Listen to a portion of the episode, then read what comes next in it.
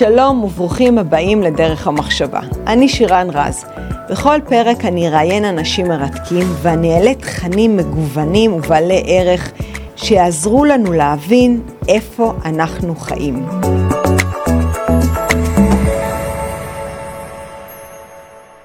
שלום אה, וברוכים הבאים לפרק נוסף של פודקאסט דרך המחשבה.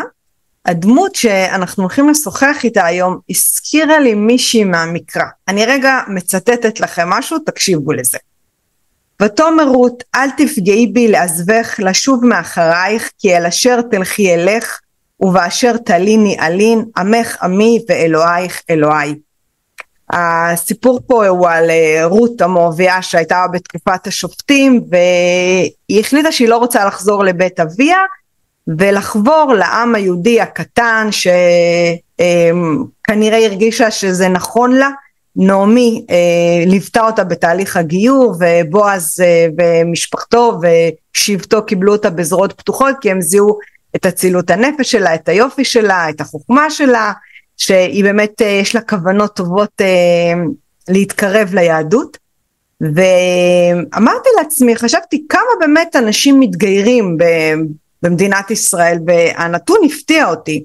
יש בכל שנה כשלושת אלפים מתגיירים חדשים שהם רק 0.005 אחוז מהפוטנציאל. אומרים שזה בעיה חברתית שבגללנו אנשים שרוצים להתגייר לא מתגיירים. והכבוד הוא כולו שלי אה, לראיין היום, לדבר, לשוחח, לא לראיין את אה, טימור דוד, להגיד אלקין, זה יהיה לך נוח? או רק תימור דוד? תימור דוד אקלין, תימור דוד זה שם אחד בעצם. אה, אז אתה חיברת את זה לשם אחד, אוקיי. כן, זה כמו מקף כזה ביניהם. אוקיי. תימור דוד. תימור דוד. הם קשורים, ניגע אה, בשם. כן. Uh, תימור נולד כילד מוסלמי ביפו והיום הוא יהודי כשר ויש לו סיפור חיים מרתק אז שלום נעים מאוד איזה כיף שהצטרפת. היי, נעים מאוד, אה, תודה שהזמנת אותי, אני מעריך את זה. אמ, כבר אמרת שם שלי. איך היה כשהתחלתי לך על רות המואביה? התחברת ככה לדמות המקראית הזו? כן, אני כל שנה שואלים, שואלים אותי את זה, את יודעת, כשמגיעה תקופת שבועות, אז אנשים מתחילים לשאול אותי כזה, כאילו, איך אתה מתחבר לרות, כאילו, כן, כן, אבל באיזשהו מקום החג האהוב עליי זה דווקא פסח.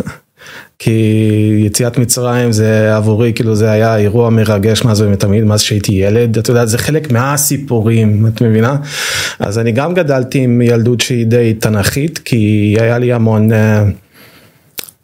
קלטות, אתה יודע, בשנות התשעים היו לנו קלטות, עוד לא DVD אפילו, אז אמא שלי קנתה סדרה ארוכה של אה, אנימציה שהייתה נקראת גיבורי התנ"ך הגדולים. ואז משם בעצם אה, אהבתי את כל הסיפורים, כי זה כבר סיפור וזה מצויר, ואתה ילד ואתה מתאהב בכל הדברים האלה, ואז אני לומד בעצם, כי למדתי במסגרת אה, אסלאמית, אמנם כאילו למדתי בבתי ספר שהם נוצרים, אבל עדיין הבית שלי, אמא שלי מוסלמית עם חיג'אב והכל, והסבתות עם חיג'אב, וכל מי שבמשפחה הוא די דתי. אולי דתי לפי דעתי, אבל אה, דתי. אבל אה, ואז גיליתי בעצם שאותם סיפורים הם אותם סיפורים כי באסלאם וביהדות זה באמת כמעט העתק הדבק וברור לנו מי הגיע לפני. ברור לנו מי, מי, מי התחיל את כל הסיפור הזה אבל, אבל מוחמד התלבש על היהדות וזה גם שאלות שמעניינות אותי באמת אה, את ה... אה, איך אתה, שאתה למדת כנראה את מה, אני מניחה את מה שכתוב בקוראן ומה שהמוסלמים לומדים, מה, מה דומה ואיפה הדברים שהם שונים, אבל בוא נלך רגע אחד אה, למאזינים שלא מכירים אותך, קצת, קצת על העבר שלך, אתה נולדת ביפו. ילד מוסלמי, כמה אחים ואחיות יש לך? יש לי אחות אחת רק. אחות אחת, אז אתם כמו היהודים, לא, כמו המוסלמים. לא, אימא שלי התגרשה כשאני הייתי אולי בן שלוש, שנתיים, אה, והיא כאילו הייתה ערה אה, עם אחותי, והוא לא היה שם, והיא גם לא התחתנה בשנית, אז אה, זה עצר שם. זאת הסיבה שאנחנו רק שניים. תימור, אבל להיוולד ביפו זה בסך הכל באקלים, אווירה מאוד אה, ישראלית, מאוד ליברלית, פתוחה. תתקן אותי, כי הפרצוף שעשית, מה היה שונה אצלכם? בוא ת... תן לנו, תכניס אותנו לרוח התקופה שהיית ילד. מה היה שם? כש, כשהייתי ילד, אני יכול להגיד לך בוודאות שאת הישראליות לא מרגישים. Uh, יפו הייתה עיר ערבית כמעט לכל דבר, והיא ערבית בקטע של... Uh, אני לא יודע במספרים, כי כשהייתי ילד לא, לא שמתי לב לדברים האלה, אבל הייתה נוכחות ערבית חזקה, היום יש נוכחות יהודית די חזקה ביפו, אני מרגיש אותה, אז זה עושה לי טוב. האמת שחזרתי לארץ לפני כמה שנים, ושמתי לב שיהודים עם כיפה וציצית מסתובבים פה על הרחוב, אמרתי כזה בואנה, זמנים השתנו, כי זה לא היה כשהייתי ילד, אף יהודי לא היה מתקרב לפה, זה היה מקום שונה לגמרי, אני זוכר רכבים שעלו פה באש, אופנועים שעלו באש, אני זוכר יריות כל שני וחמישי, אני זוכר uh, על בסיס יומיומי, את שומעת שמישהו נפטר, נרצח, נדקר, אתה ירו. מדבר מבחינת פשע בין הערבים לבינם לבין כן. עצמם. בינם לבין עצמם, כן. אנחנו מדברים על דו קיום, אבל uh, איך עושים דו קיום עם מי שלא יכול להתקיים עם עצמו? אז אה, שאלת השאלות. שאלת השאלות. אה, וזהו, לא, לא היה שם שום דבר שהוא, האמת שהכל היה אנטי ממסדי, אנטי ממשלה, אנטי מדינה. איך זה בא אה, לידי ביטוי? איך זה בא לידי ביטוי? הדבר הכי קלאסי אפשר להגיד שאסור לשתף פעולה עם המשטרה, נכון? אם משהו קורה, מישהו נרצח מולך, את יודעת, כאילו לאן הוא הלך לפחות, או בין אם הוא היה עם רכב או אופנוע או כל דבר. לא יודע, לא ראיתי, לא מכיר. אז יש את החוסר אמון הזה בין העם לממסד, למדינה, זה המשטרה, הכל, וזה בא לידי ביטוי, ב, את יודעת, בדברים הקטנים ביותר, ביום יום, בדיבור, בגישה, בזלזול, בצורה, בת... רואה טלוויזיה ואת זורקת הערות, או אם את עכשיו שומעת על משהו שקרה ואת מגיבה על זה, אה, אז לא היה סושיאל מדיה, אז אם את מגיבה זה פשוט ככה, אז זה לא היה שום דבר לא בקטע של דו-קיום או... איזה סוג של תגובות אה, למשל אומרים, אמרו על הישראלים, על היהודים? הרי יש איזה סיפור שבחברה הערבית מספרים אותה והיא רצה מאחד לשני, אז מה זה הסיפור הזה? יש את הפן הדתי ויש את הפן היותר לאומני. אז הפן הדתי זה כל הסטריאוטיפים הדתיים יותר של פשוט אה, לספר סיפורים של דברים איומים שיהודים לכאורה עשו למוחמד, כמו זרקו לו זבל מחוץ לבית כל יום, ואז מוחמד כי הוא כזה נביא חנון ורחום וזה, היה לוקח את הזבל ומנקה עבורם, ורוצים להראות אותו כאילו הוא משהו את מבינה, ואז ביום מן הימים הפסיק להיות זבל בחוץ, אז הם הולכים לשכן ומגלים שהוא מת, אז הם נותנים לו קבורה. אה, דאורייתא, אז אה, כן, מוחמד אה, הוא, הוא אהב את התורה, הוא למד אותה, הוא היה לו עותק של התורה מן הסתם, לא, לא ככה באו לו כל הסיפורים, הוא הכיר אותם, הוא למד אותם לפרטי פרטים. הוא כתב, בתקופה ההיא אפילו לא הייתה ספרות כל כך לפני הקוראן. בתקופה ההיא עדיין הערבים לא היו כותבים. כל מה שהיה להם, היה להם שירה, אה, מוזיקה וכולי, אבל לא, לא היו להם כאילו ספרות, ספרים, הם היו בתקופה שנקראת אל-ג'היליה, שתקופה שלפני שהם התחילו להיות יותר אינטלקטואליים ולהיכנס לזה, זה היה לפני 1400-1500 שנה. ואז בעצם הוא התבסס על הכתבים של היהדות ומשם הוא התחיל להתגלגל. עכשיו תתקן אותי אם אני טועה שבהתחלה הוא כן רצה להיות אה, שהיהודים יהיו המאמינים וילכו אחריו והקוראן התחיל דווקא בפרקים מפוארים ויפים ובאיזשהו שלב כשהוא הבין שזה לא קורה אז הכתבים שלו השתנו לעוינים ואלימים וקשים זה, זה, זה, זה, זה נכון? כן אה, הוא, הוא היה סוחר הוא היה איש עסקים, הוא התחתן עם מישהי שהייתה 25 שנה פלוס יותר מבוגרת ממנו. עשירה. השתמש, לא, חדיג'ה. עשירה אני אומרת, היה לה הרבה כסף. אה, עשירה, עשירה, חשבתי שאתה אומר שקוראים לה עשירה, אני אומר כזה. אה, חדיג'ה, והיא כן הייתה עשירה, היא פינקה אותו, ומשם הוא המשיך להצליח. בשנים, הראשונים, בשנים הראשונות שלו הוא לא הצליח לגייס מאמינים, היו לו אולי 12, אה, אולי אה, עד 20. אף אחד לא ממש האמין בו, אף אחד לא קנה את הסיפורים האלה, אבל אה, כנראה היה לו קול יפה. אני מאמין בזה, אה, אני חושב שהיה לו קול יפה והיה לו את הקטע של השירה, אם את שמה לב שיש אנשים חזנים מוסלמים שעושים את הקוראן בצורה כל כך יפה שאת אפילו לא חייבת להבין מה אומרים שם, זה פשוט נשמע לך יפה ורוחני ונעים כזה, נכון? אז אני מאמין, אז אני מאמין שהוא היה אחד כזה, ואז הוא התחיל להקריא להם את הדברים, ואז הוא התחיל כזה לסחוף אנשים אחריו באיזשהו שלב, כי היה לו קשה מאוד, הוא גם עבד אלים אחרים, אני תמיד חוזר על הסיפור הזה, הוא, היו לו כמה אלים. האמת שלא היו לו כמה אלים, פשוט הייתה תקופה שבה הוא היה ממש נרדף, אה, רדפו אחריו, רצו להרוג אותו, אה, כל מי שהיה שם באדמה איתו, ואז אה, הוא בא והוא התחיל אה, ממש אה, לפאר ולתת קדושה וגדולה לשלושת האלים שהם היו עובדים, שהם היו פסלים, כי הוא חש סכנה לחייו. אז הוא התחיל להתפלל. הוא עשה עבודה זרה, הוא עשה כבר עבודה זרה, הוא להגיד, ואז באיזשהו שלב הוא מחק את זה מהקוראן, כי זה היה כתוב שם, זה היה מתועד, ואז באיזשהו שלב שינו את הקוראן ומחקו את זה.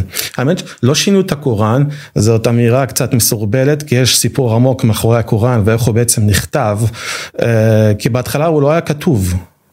תקופה ארוכה מאוד מאוד, כל מי שידע את הקוראן, ידע אותו, הוא זכר אותו בעל פה, כי כולם למדו אותו בעל פה.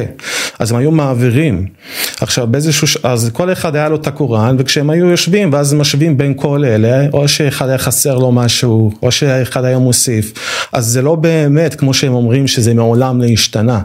כי זאת אחת ה... לא יודע איך לקרוא לזה, אנקדוטה, אבל כשהמוסלמים באים לתקוף והם אומרים אה, לכם יש גרסאות, כל כך הרבה תרגומים, כל כך הרבה זה, לנו יש רק אחד, אבל זה לא נכון, כי היו כמה וכמה, ואני זוכר, אני חושב שזה העות'מן, שבעצם לקח את כל הקוראנים והורה לשרוף את כל הקוראנים האחרים והוא השאיר אחד. והבנתי גם שהוא ש... ערך את זה גם בצורה מסוימת שקודם כן. אפילו לא בסדר כרונולוגי אלא לפי כל הפרקים הארוכים בהתחלה אחרי זה הקצרים וגם אומרים שזה כתוב באיזה צורה של קצת כמו שירה או משהו פזמונאי כזה הפסוקים שם. אז כנראה זה קצת מסביר את מה שמוחמד אה, באמת היה לו אולי איזושהי יכולת אה, מוזיקלית אה, מפותחת. זה משהו שכרגע מהדברים שאתה אומר. אז אז באיזה שלב הבנת ש... רגע, שנייה, משהו לא מסתדר לי, אני צריך uh, לטור ולחפש את עצמי, והבנתי שגם טסת לחו"ל, כאילו כל פנימי כזה שקרה לך מה, אני צריך uh, uh, לחפש משהו אחר, משהו מהדהד בי מבפנים, איך זה קורה? תטור, אהבתי, אבל לא תטורו. אחרי עיני חם. אז אה, אני עזבתי את הארץ בגיל 17 כי לא, לא, לא, לא ראיתי עתיד פה. אני אגיד לך את האמת, אני הייתי די, אה, אה, איך אומרים, נוכח, הבנתי את הכל, לא, לא, לא ראיתי דברים בצורה ש, שבה אחרים כאילו רואים אותם.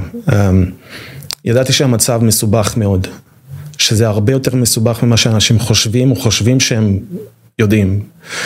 המקום הזה הוא לעולם לא יפסיק להיות יהודי. מדינת ישראל אה, תמיד הייתה ותמיד תישאר אדמה יהודית, היסטוריה יהודית. לא משנה איזה שם תדביקי למקום הזה או איזה שליט תשלוט פה, אף אחד לא יוכל אה, לבוא ולשנות את ההיסטוריה. זה פשוט, זה...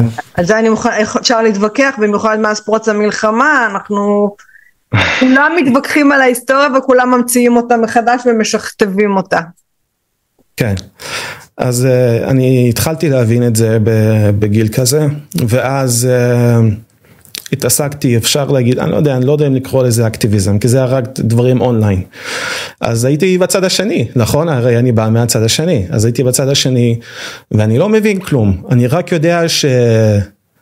כאילו סליחה על השפה, כי אני יודע שהערבים זה חרא, כאילו גדלתי איתם, אני חייתי ביניהם, אני ראיתי הכל, טיילתי ביניהם בכל מקום, אז אני, אני יודע מה זה. אז אמרתי לעצמי, אבל למה אני רואה תינוקות מתים? עכשיו אני כבר לא, לא מתחילה להפעיל, את, את? את, לא, את לא יכולה להבין כלום, אז מתחילה, את הולכת ואת נהיית פתאום אקטיביסטית. מתחילה לרשום ולהגן, למה אין זה, כמו האנשים האלה שהיום דורשים הפסקת אש, נכון? עכשיו, את, את, לא, את לא תופסת את זה שיש שם משחק ציני ביותר, שהם פשוט מגדלים אותם כמו חזירים לטבח, פשוט מגדלים אותם והם קובעים להם תאריך, כל אחד שנולד יש לו בנדנה שהם שמים לו ומתחת לבנדנה של החמאס מאחוריה יש לו מדבקה כמה זמן הוא יחיה. כי הם לא, הם שולחים אותם למות, חמאס, אז אני אומר את זה בקטע מטאפורי, מטאפורית, מטאפורית. כן, זה, זה תרבות מוות, זה פשוט אין קדושה לחיים. הם מקדשים את המוות יותר מהחיים. לכן זה קצת מצחיק אותי לפעמים כשאנחנו רוצים להעניש אותם בעונש מוות. אז זאת המתנה שהם רוצים אותה כל כך, הרי בג'יהאד האמונה והתפיסה בג'יהאד היא שאם את מתה בזמן שאת עושה ג'יהאד את לא מתה. את חוזרת לחיים באותו רגע ואת חוזרת לעשות עוד ג'יהאד. העיוות הזה, אז כאילו הם לא מפחדים מהמוות, הם, אני, אני צופה יום יום, אני יושב על כל הסרטונים הארוכים ביותר שאפשר וגם הקצרים מכל מה שהיה באוקטובר השביעי, השביעי לאוקטובר, ואני אני מסתכל עליהם, אני, אף אחד, אף אחד מהם לא חשב שהוא הולך לחזור הביתה בחיים. הם כולם יצאו ואמרו כזה אנחנו נהרוג כמה שיותר, נרצח, נשרוף, נעשה כאילו כמה שיותר נזק, נכבוש כמה שיותר. הוא צועק שילכו אלפיים, שילכו עשרת אלפים למען האסלאם. שילכו, אה הלוואי והיה לי שידור חי שאנשים מעזה יבואו, תאמין לי שהם היו רודפים אחריי. זאת המציאות. זה, המציאות היא גם, אני חושבת שעושים הפרדה, הרבה עושים הפרדה מאוד ברורה בין הפלסטינים, בין, סליחה, אני אחדד את זה, בין העזתים לבין החמאס. ו, ו, ובעצם מה שאתה אומר, אין הפרדה, כולם זה חמאס. בוא, בוא, בוא נפרק את זה קצת, בוא נחדד את הנקודה הזאת, למה כולם זה חמאס? אם אתה מסכים לא את הטענה הזאת, לא. אוקיי, זהו. כולם זה לא חמאס, אבל כולם זה לא החברים שלך. כולם זה לא, הערבים לא רוצים שאף אחד ישלוט מעליהם, הם רוצים, הם, אתה יודע, זה יותר כזה קומוניסטים, רוצים שכולם יחיו פחות או יותר באותה רמת חיים, והם לא רוצים שמישהו ישלוט בהם. הם, הם לא רוצים את זה, אבל אין דבר כזה בעולם הנוכחי, מישהו חייב לשלוט בך, וכל אחד שישלוט בהם הוא, או כמו הפצצה המתקתקת שיש לנו פה ביו"ש, יש לנו פה את החבר'ה של אבו מאזן שפשוט מאמנים אותם, הם חיים טוב, חיילים, ג'יפים, נגמ"שים, מה אין להם שם? יש להם צבא בגדה המערבית. צבא. אני בדיוק היום אמרתי שזה שאני מפחדת מאיו"ש יותר מעזה ויותר מלבנון, אני חושבת ששם זה הולך להיות פצצת אטום שעוד רגע מתפוצצת עלינו, ואנחנו עדיין לא מבינים את זה. אני חושבת ש... הרי משנות התשעים כל הדרג הביטחוני, גם אה, שב"כ, רמטכ"לים, אה, גם בדרג המדיני, היה לנו איזושהי הבנה שאם נעשה להם מופע של אה, כוח מכל מיני סבבים, גם מול החיזבאללה דרך אגב, לא, לא רק מול חמאס, אז הם יבינו שלא כדאי להתעסק איתנו, כנ"ל גם אמרו את זה על ערפאת, ערפאת הבין, זאת אומרת, אמרו שלא משתלם לו לעשות טרור. התפיסה הזאת שלנו שאם מישהו טוב לו ונעים לו והוא מגדל ירקות בגינה ורואה סרט ב-yes בערב אז הוא לא יקום בבוקר לעשות טרור. איפה אנחנו עדיין מפספסים תימור כאילו עדיין אני שומעת אנשים שלא נפל להם האסימון הוא עוד תקוע גם אחרי השביעי לעשרת. איפה הפער לדעתך? זה אחד הנושאים הכי כואבים שיש, כי זה באמת, זה, זה בלתי נתפס. זה בלתי נתפס, סליחה.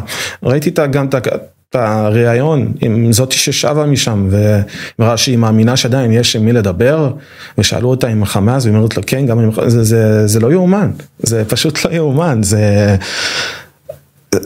אני לא יודע איך מה להגיד את זה בלי לשמע אנטישמי. מה זה עם שאוהב להכחיד את עצמו? איך זה קורה? כאילו למה זה קורה לנו? למה יש את האנשים האלה שאשכרה רוצים שהמקום הזה יאבד.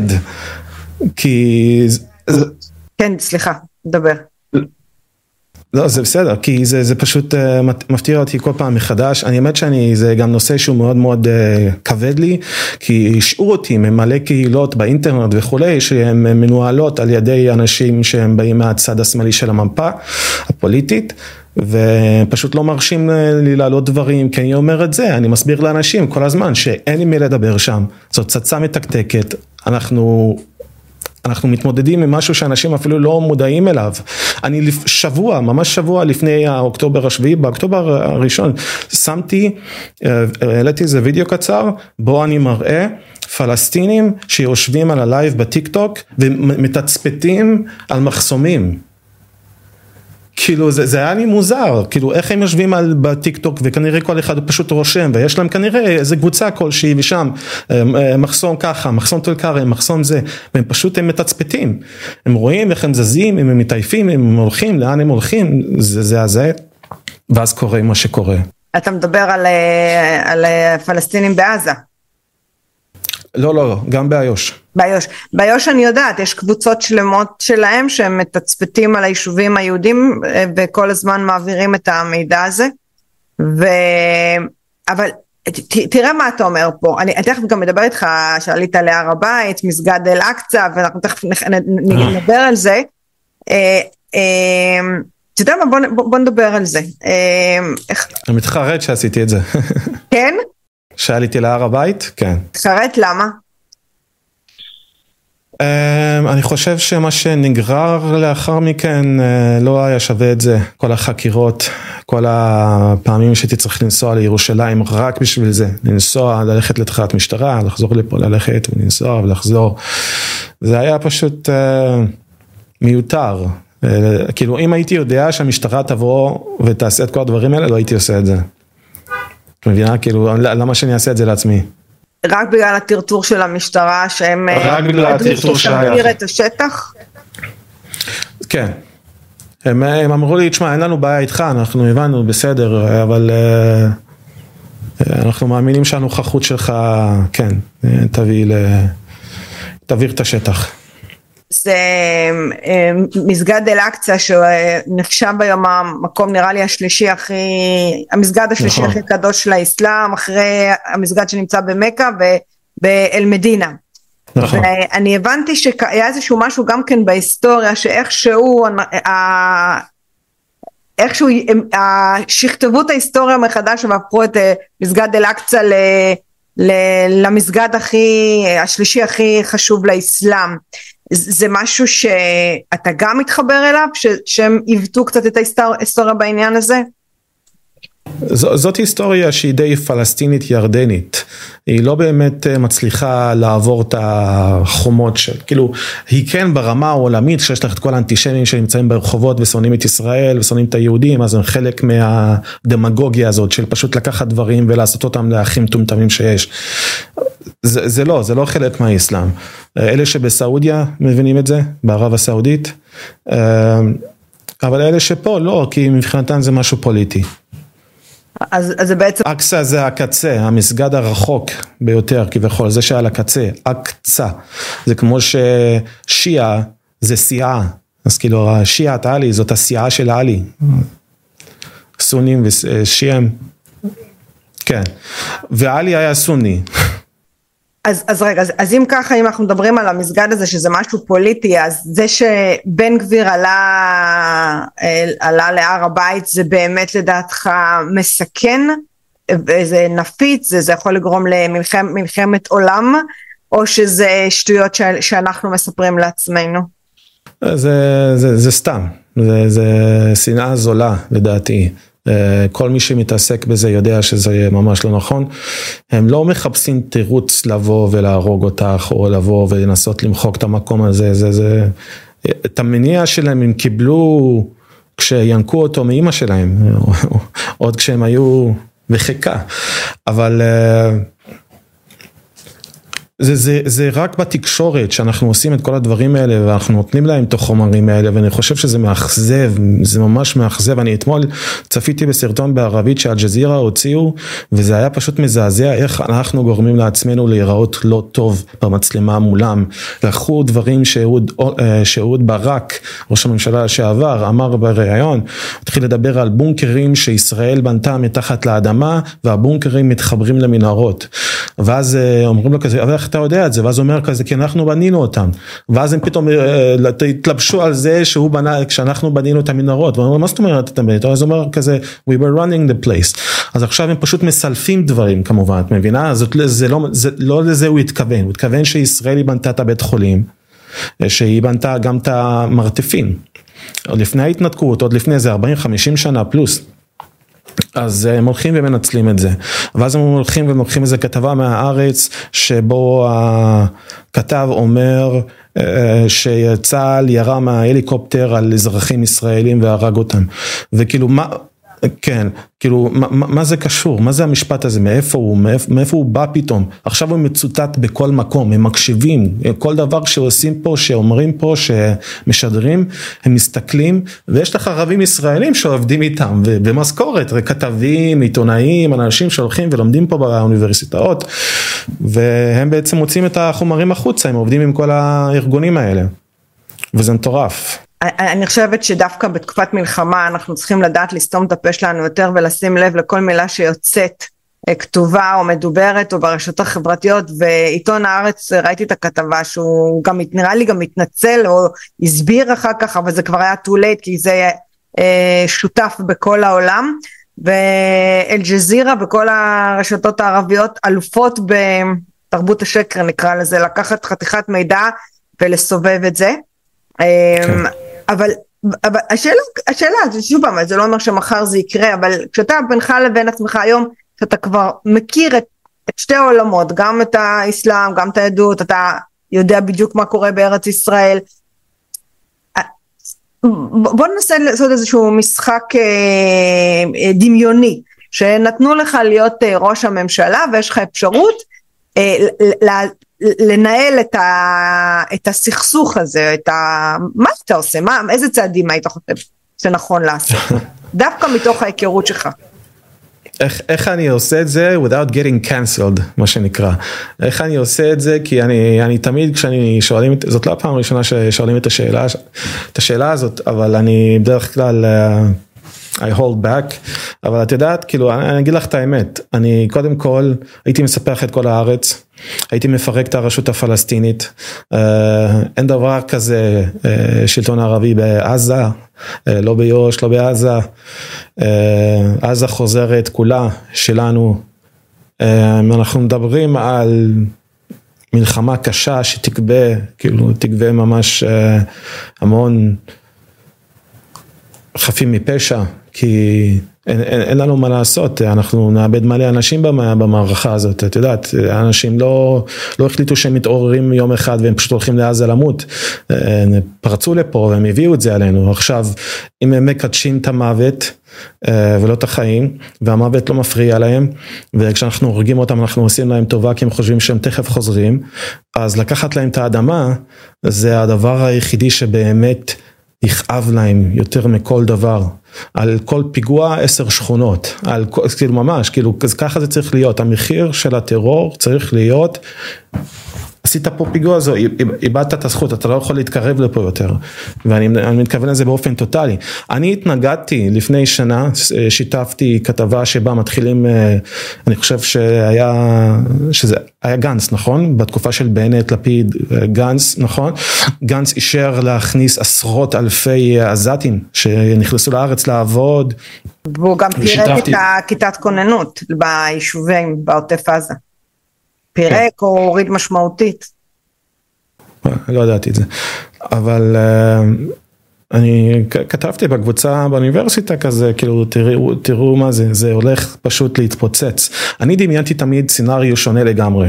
אני לא ידעתי שזה לא, אני לא חשבתי שזה בקנה המידה הזאת, שמה שהיה לפני חודש, אבל אני חשבתי שביום מן הימים פשוט אה, אותם אנשים שעובדים ילכו ויחפשו את האימהות שלהם, את האחיות שלהם, את הבנות מהמשפחה, ובזמן שהם עובדים פה בארץ, יעשו לאחד אחד טלפון, שומע, אחותך פה, אמא שלך פה, אנחנו נעשה להם ככה וככה וככה וככה, אלא אם כן אתה רוצה להגן על הכבוד שלהם, לך תהרוג מישהו, תדקור מישהו, אנחנו נוותר, אנחנו נקום ונלך.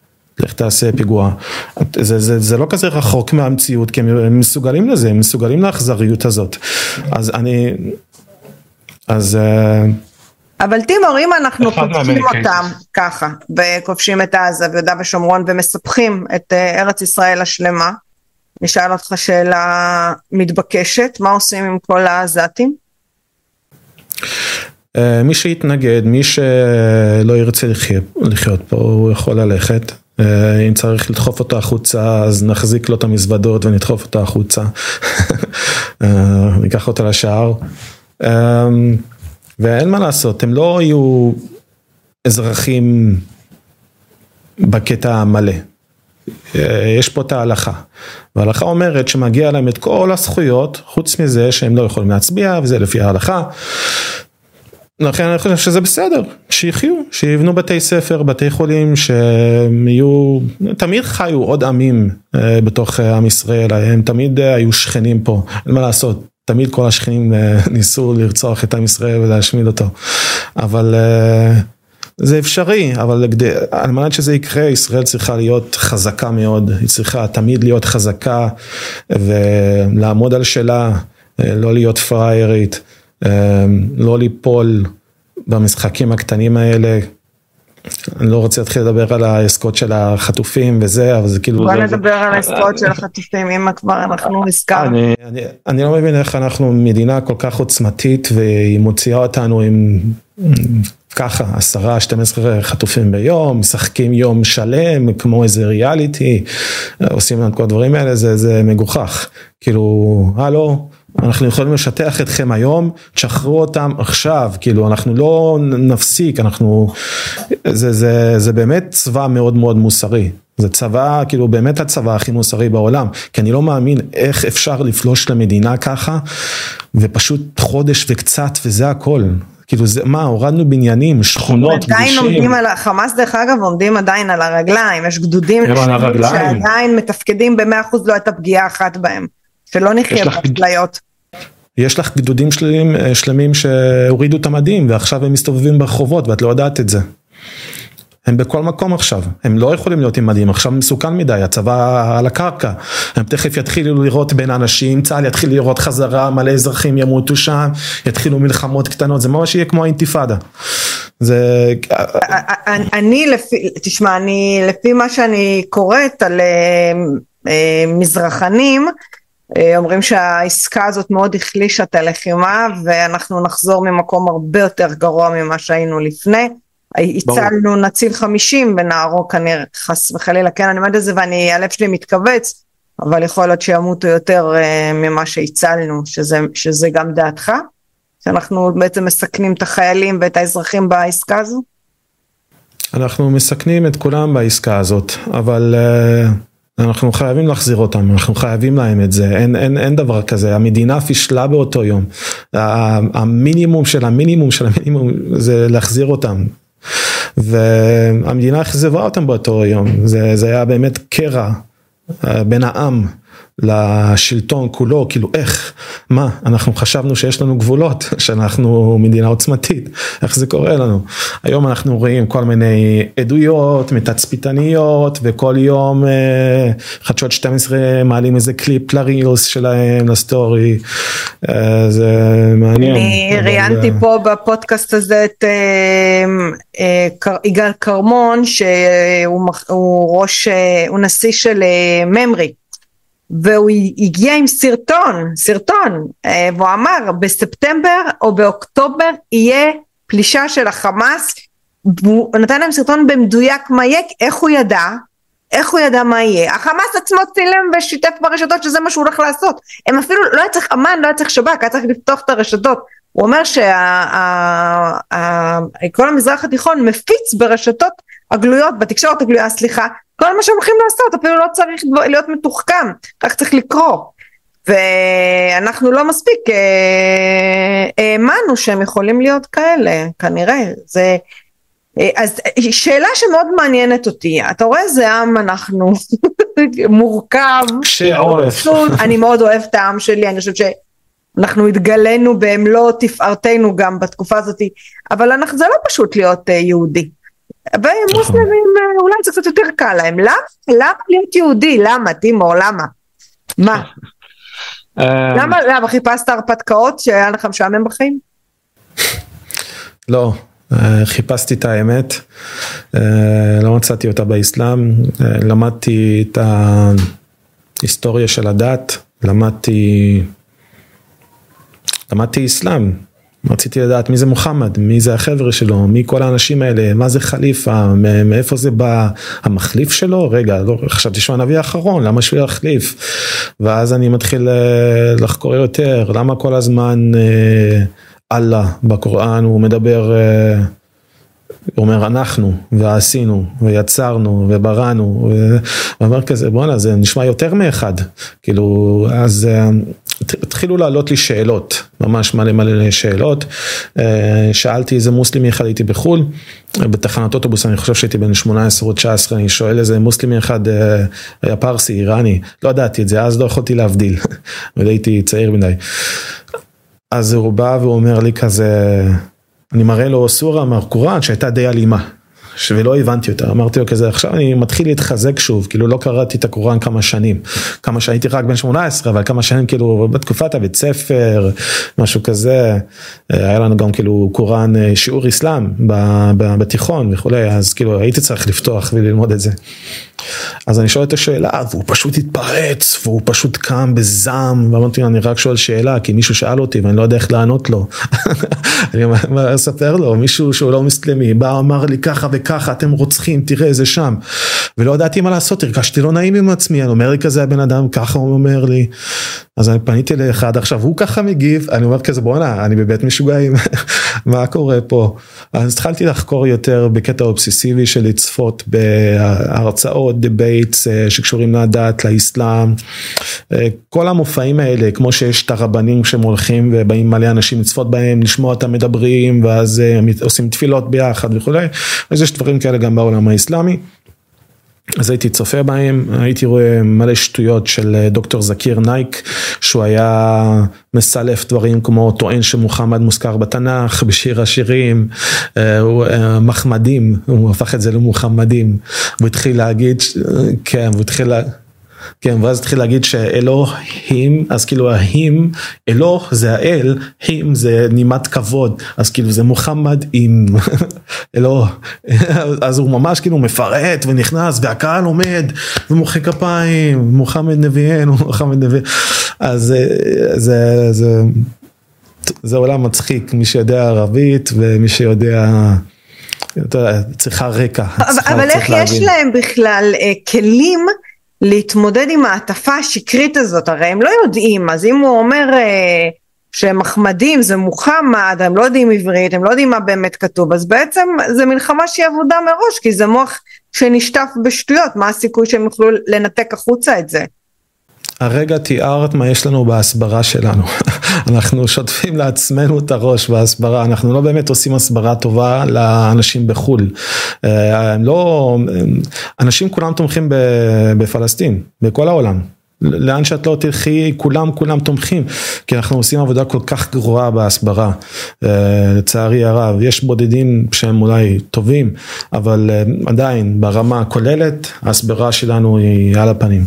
במיוחד אם אני חדש בטיקטוק יחסית רק כמה חודשים, אה, אני פשוט לא אוהב את הפלטפורמה הזאת, זאת כזו זירה מסוימת של type מסוים של אנשים, ואני פשוט לא, לא מתחבר לקהל הזה בכלל, אבל האלגוריתם שם הוא חזק. הוא פשוט נכנסת מלא צפיות, אה, אם זה מושך אנשים.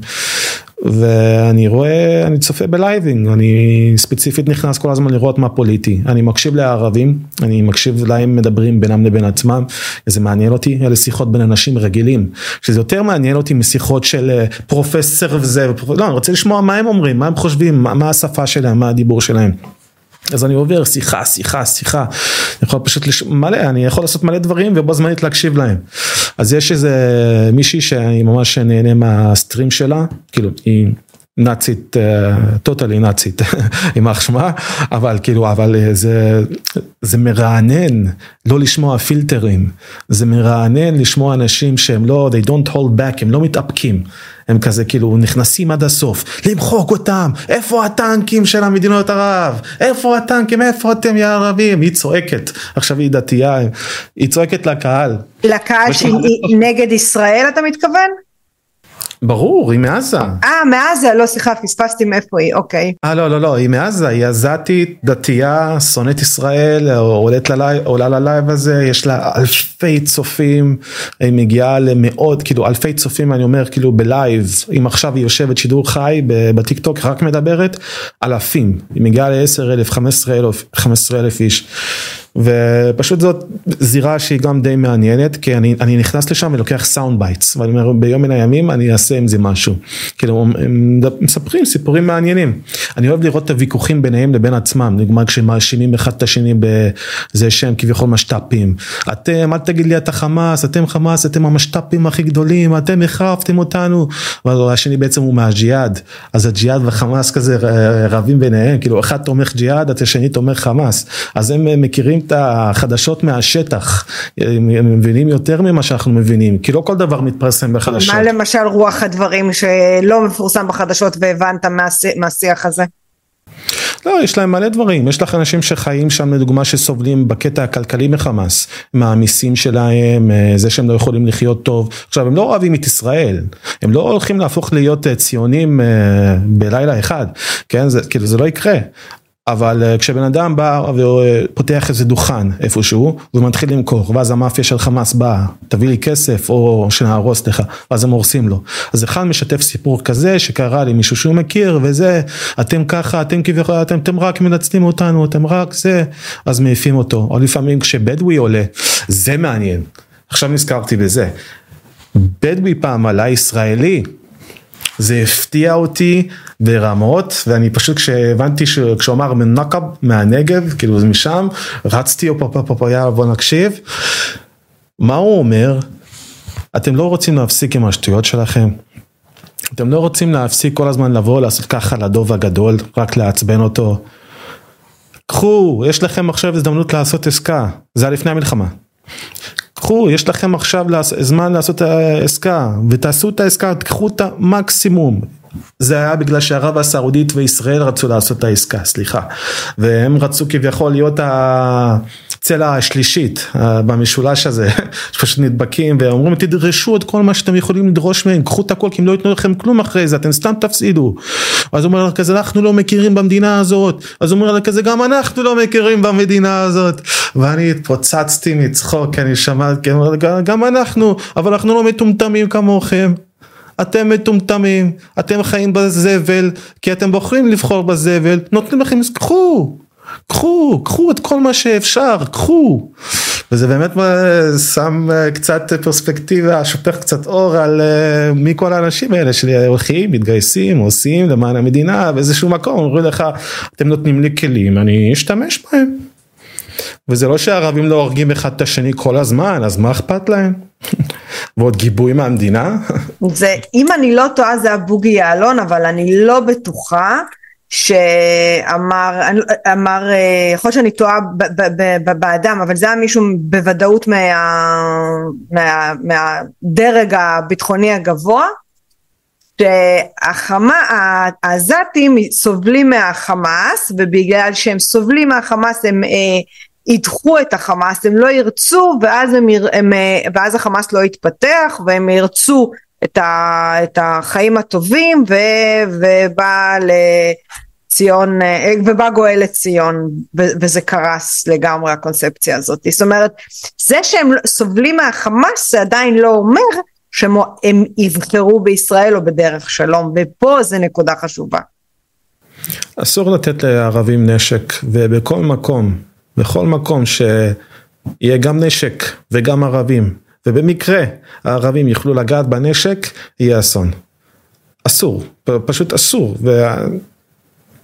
אני, אני לא, תשמעי, יש לנו את זה גם פה במגזר שיש מלא נשק שלא אוספים, כאילו אוספים כמה שאפשר, אנחנו תמיד רואים סרטונים שמשטרת ישראל מעלה, אז אני לא חושב שאנשים לא עובדים, אני בטוח שאנשים עובדים, פשוט אני לא יודע כמה זה אפקטיבי להמשיך לעשות את זה במתכונת הזאת ולא לה, ממש להרחיב ולעשות את זה, עכשיו קצת בעייתי כי אנחנו במלחמה, אז אני לא יודע איך אפילו לדבר על זה, אבל זה גם יכול להתנקם, את מבינה? זה גם חשוב, זה, זה זה קשה, אני לא הייתי רוצה להיות ראש ממשלה, אני לא, לא, הייתי, לא הייתי רוצה להיות בעל, את יודעת, מישהו שצריך להחליט על כל הדברים האלה, כי זה קשה, כי זה ממש קשה, ואנשים הולכים לשנוא אותך, לא משנה מה תעשי, תמיד יהיה מישהו מצד מסוים שיבוא ויתעב אותך על מעשייך. אמ, אני חושבת שלהיות ראש ממשלה זה לא שיאהבו אותך, אלא לעשות מה שטוב לעם, ואני לא יודעת אם יש לנו כבר מנהיגים כאלה. שלא חושבים מה חושבים עליהם, אלא חושבים מה טוב אה, לעם שלהם.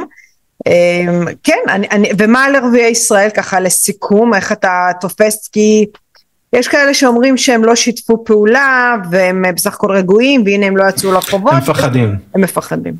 הם מפחדים, הם מפחדים, הם, הם, הם בשוק, הם חגגו באותו יום, המשיכו לחגוג קצת אחרי, אבל ברגע שאנשים התחילו להיכנס למאסר, אנשים שהתחילו עכשיו לפרסם בכל מקום שאת יודעת, יש את הסרטונים האלה שבאים אליהם לבתים ומקריאים להם והאשמות, ואנשים טוענים שהאשמות כאילו מופרכות. לדוגמה, הייתה אישה דתייה, מוסלמית, שהשוטר הגיע אליה הביתה, שוטרים הגיעו אליה הביתה, אז התחיל להקריא לה את הסעיפים של מה היא עשתה. ואז הוא מתחיל להקריא לה, ואני כל הזמן מסתכל על הפנים שלה, אני רוצה לראות מה הבעת פנים שלה אחרי כל סעיף. ואז היא כזה, היא בשוק, היא בהלם, אבל היא כזה היא עוד כאילו היא לא בטוטל שוק, פתאום הוא אומר לה כזה אינתידם אל מג'מועה אירהביה, אז הוא אומר לה כזה אה, השתייכות לארגון טרור, היא עשתה ככה בעיניים, היא חזרה לאחורה, היא רצתה לי פה, התחילה להגיד אני אוהבת את ישראל בערבית, התחילה להגיד את זה, אומרת לה, אני, אני בישראל, אני אוהבת את ישראל, אז אה, הם מפחדים.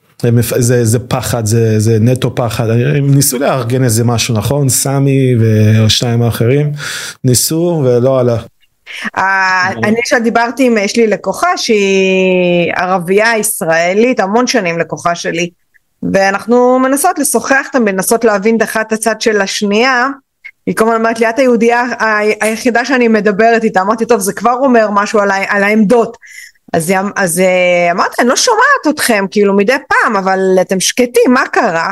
אז היא אמרה לי, תקשיבי, אנחנו מפחדים, כל לייק מיותר שאנחנו עושים, המשטרה דופקת לנו בדלת.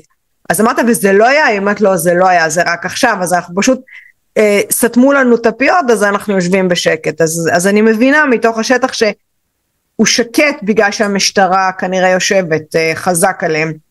אה, לא יודעת אם זה טוב או לא טוב, אבל אני אומרת את זה כ, כעובדה. אני פחות אוהב את זה האמת. אה, כן, זהו, אז בגלל זה אמרתי, אני...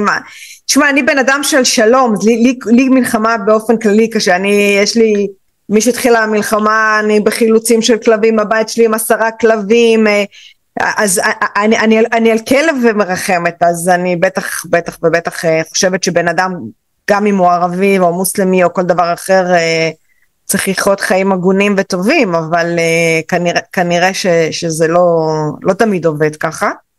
אנחנו שמים uh, פלסטר על הבעיה. אנחנו שמים, כן, שמים פלסטר על הבעיה, והנה זה התפוצץ, זה התפוצ... תראה, אני כן חושבת שיש איזושהי התעוררות אצל היהודים אחרי השביעי לאוקטובר, אני כן חושבת. אתה חושב שאצל הערבים יש איזו התעוררות? יש איזשהו שינוי? כי מבחינתם הרי, זהו, יכתבו פרק ענק בהיסטוריה הצבאית, האסטרטגית, הדתית, על ההישג האדיר שלהם. אז איך הם, מה, מה קורה להם? הם, הם בשיאים? הם באורות? הם, אה, הם שמחים. הם שמחים. הם אה, חגגו את זה, אה, בלב שלהם הם ימשיכו לחגוג את זה. התפיסה שלהם לא הולכת להשתנות. הם מתכחש, כאילו ממש, הם מתכחשים למציאות הזאת שבה אנחנו מכירים במציאות שבה אנשים נאנסו, נשרפו, התעללו בהם למוות. הם מבחינתם הדברים האלה הם לא קרו. גם אם בתוך תוכם הם יודעים שהם קרו, כי הם יודעים שהם קרו, אבל לפי התפיסה של התקשורת שאותה הם צורכים, זה לא קרה. אתמול אמרתי לך אה, כשצפיתי בסרטון הזה של אל-ג'זירה שהוא איזה 17 דקות הם פשוט לוקחים כל דבר הסברתי שאנחנו מפרסמים ומוציאים אותנו כאלה קטנים. הם כל כך טובים בלתמרן ולשקר, הם לוקחים כל דבר והם פשוט הופכים את הכל לסאטירה, כאילו הם פשוט היה 17 דקות של סאטירה בערבית שצפיתי, השתמשו בדניאל הגרי, איך קוראים לו? אה, דניאל הגרי, כן, הגרי. כן. מאמין שכן. אז אה, קחו את הקטע שלו שעשו sk, skit כזה אה, פרודיה כשהוא הסתכל על הקיר והוא כיוון על השמות של המחבלים כשזה בעצם ימים ותאריכים. כי זה התחיל להגיד פה המחבלים רשמו את השמות שלהם פה הם החליפו משמרת הוא לא בדק ועל הדף היה פשוט רשום שבת, ראשון, שני, שלישי, רביעי, חמישי ותאריכים, כאילו כל החודש. זה היה, זה היה כאילו אה, לוח שנה ידני שהם עשו בעצמם. והוא התחיל להגיד דברים כאלה אז הם פשוט מנצלים כל הזדמנות כזאת והם פשוט שמים את החמש שניות האלה הם לא צריכים לא צריך עכשיו לראות שתי, שתיים וחצי שלוש דקות של פצצות וטילים מתחת לבית חולים ומיטות שיש בהם קלצ'ניקוב וכל מיני דברים הזויים כאלה, זה לא מעניין. מספיק החמש שניות שאנחנו נתפסנו לכאורה משקרים. אז אני, אני נכנסתי לעולם הזה של ההסברה כש... כשעזבתי את הארץ והתחלתי להתעסק באגרוף, בספורט, באומנויות לחימה, ו... רציתי ממש לקחת את זה לרמה הכי מקצועית שיש, עשיתי טעות, הסיבה שנכשלתי, אה, לא יוצא לי כל כך לדבר על זה האמת, אבל הסיבה שנכשלתי זה כי לא הבנתי שיש רמות בכל דבר אז, הייתי עדיין צעיר מדי, הייתי בן 17, ואני רציתי כבר מהיום הראשון לקפוץ לרמה הגבוהה ביותר. אז אמרתי כזה, אם אני אתחיל ברמה הגבוהה ביותר, אז אני אהיה אחד מהטובים ביותר. וזה לא היה נכון, הייתי צריך להתחיל מלמטה ברמה הכי חובבנית שיש, כי אני עדיין לא יודע כלום, הייתי צריך ללכת למקום שרק מתחילים בו. ועשיתי את הטעות הזאת והלכתי למקומות הכי טובים בעולם, נלחמתי, התאגרפתי, הלכתי מכות במשך שנים עם האנשים הכי טובים בעולם, וזה שובר לך את הגוף. והגוף לא יכול לחזור להיות מה שהיה.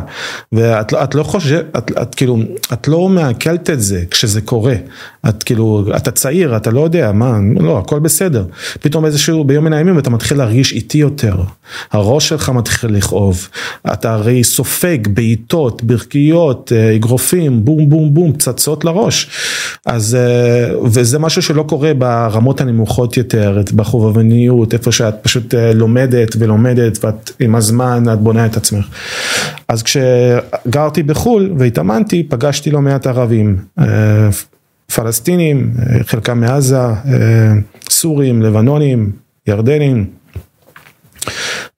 אני, היה לי קרב, היה לי רק איזה מכר אחד שהכרתי מהארץ, מהעבודה שעבדתי זמנית, כאילו, באיזה מסעדה, ושמרנו על קשר בפייסבוק, אני אמור לעלות לקרב, אה, הם אומרים לי לשים דגל, כי כל אחד לוקח דגל. אז אה, פחדתי לשים את דגל ישראל, אה, פשוט פחדתי, פחדתי, פחדתי, כי את יודעת, אמרתי לך, לבנונים, סורים, זה, חלקם היו מחיזבאללה.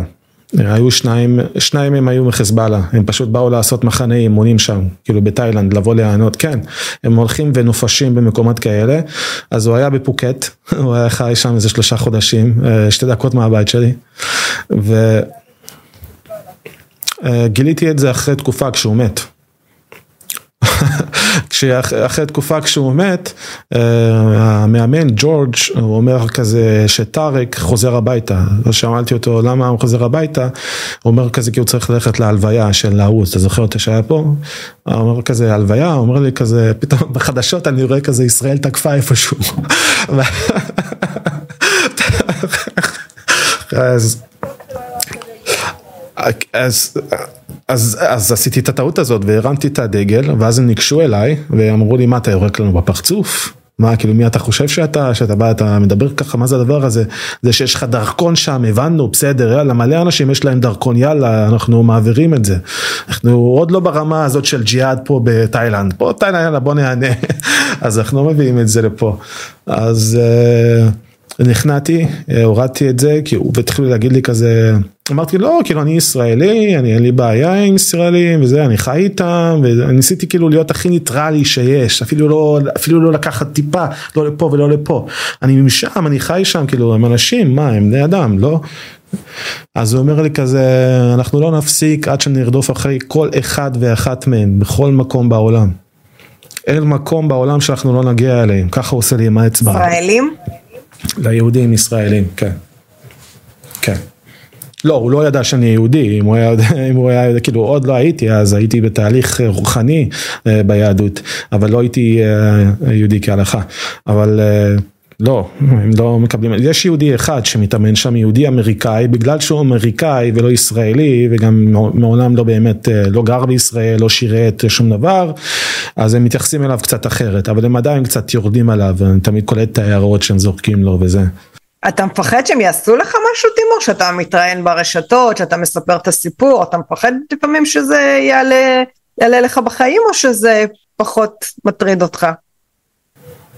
תשמעי, בתקופה ההיא אני כבר ידעתי שאם אני רוצה לעשות את מה שאני רוצה לעשות וזה להיות חלק מהאמת, גם להצטרף לדת האמת, לעם ישראל. ולהתחיל להיאבק עבור עם ישראל ברשתות, אה, כי מבחינתי אז כאילו זאת הייתה הדרך הכי טובה אה, לעשות את הדברים האלה. אני עשיתי את זה כי ראיתי כל כך הרבה סכנה מסביב. אנשים שכל הזמן מנסים לעשות פרטנר מהצד השני כשזה לא, כשזה פשוט לא, זה בלתי אפשרי, אני יודע שזה בלתי אפשרי. וכמו שאני קמתי והייתי צריך ללכת ולמצוא את עצמי, אני חושב שכולם פה צריכים לקום ולעשות אה, טיול שורשים, להבין מאיפה הם באו, אה, כל אחד יגלה שהוא ממקום אחר לגמרי, אולי יתחבר לתרבות שלו, שיעשה טיול, אולי המדינה צריכה לקחת איזה פרויקט, לקחת אה, ערים ערביות, לתת להם כרטיס טיסה, לא חייב שיהיה round trip, יכול להיות one way. אני, מה, אתה מדבר על היהודים שצריכים לעשות את זה או על הפלסטינים? לא, אני מדבר על הערבים. על הערבים, זהו, לרגע לא הבנתי. לא, לא. ליהודים אין להם איפה ללכת.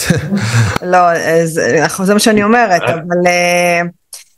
כן, תשמע, זה, זה, אני, כי אמרתי טיול שורשים, אז בלבלתי אותך. כן, זהו, בדיוק, בגלל שאמרת טיול שורשים, אז אמרתי, רגע, אני ישר חשבתי, התכוונתי שהם ילכו, שהם ילכו, כן, שהם ילכו לשורש והם לא ימצאו את זה שם.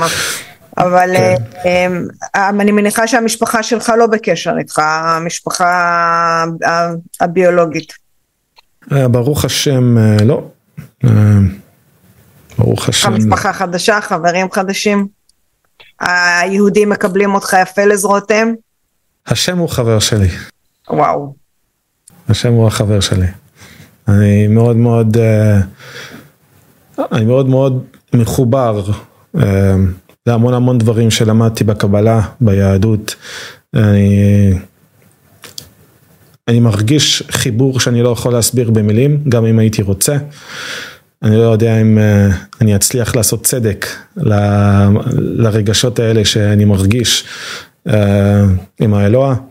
אני, אני יודע שהכל לטובה, גם כל מה שרע, כל מאן דעביד רחמנא לטב עביד, כל מה שטוב, כל מה שרע, הכל הוא עושה לטובה. אה, אין, אין טוב ורע, זה מסובך, פשוט מסובך להסביר דברים, צריך לתת להם להתפרק ועם הזמן כל דבר ייפול במקומו, לדעתי, כל דבר בעיתו. וואו, לעשות צדק לרגשות שלך, נראה לי זה, זה הכותרת של מה ששוחחנו. אני חושבת שזה משימת חיינו לעשות צדק לרגשות שלנו. ולהתעקש על חקר האמת, אני חושבת שזה משהו שכל בן אנוש צריך לעשות את זה, אפילו שאל-ג'זירה ברקע, בטיק טוק של רעתנו. אמ, וטימור, היה לי, זו שיחה שהייתה אמורה להיות חצי שעה ועברנו את השעה, אני פשוט אה, יכולתי להמשיך ולדבר איתך עוד. אמ, אני מניחה שזה יקרה, אנחנו נעשה לנו עוד שיחה. אבל באמת זה, זה לא ברור מאליו אה, להכיר אנשים כמוך וחזק ואמץ ואני באמת מאחלת לך שתצליח לעשות צדק לרגשות שלך. תודה רבה לך, כנ"ל לגבייך, תודה רבה. ביי, להתראות. ביי ביי. ביי ביי. זה היה פרק נוסף של דרך המחשבה. כל הפרקים זמינים באפליקציות הפודקאסטים, בערוץ היוטיוב ובפייסבוק. אם עדיין לא הצטרפתם, זה הזמן. להרצאות בנושא חשיבה יצירתית, חדשנות, יזמות, אסטרטגיה רגשית ומדיטציה, מוזמנים לפנות אליי ישירות לאופיס שטרודל שירן רז דוט קום. אני שירן רז, ואהיה איתכם גם בפרק הבא.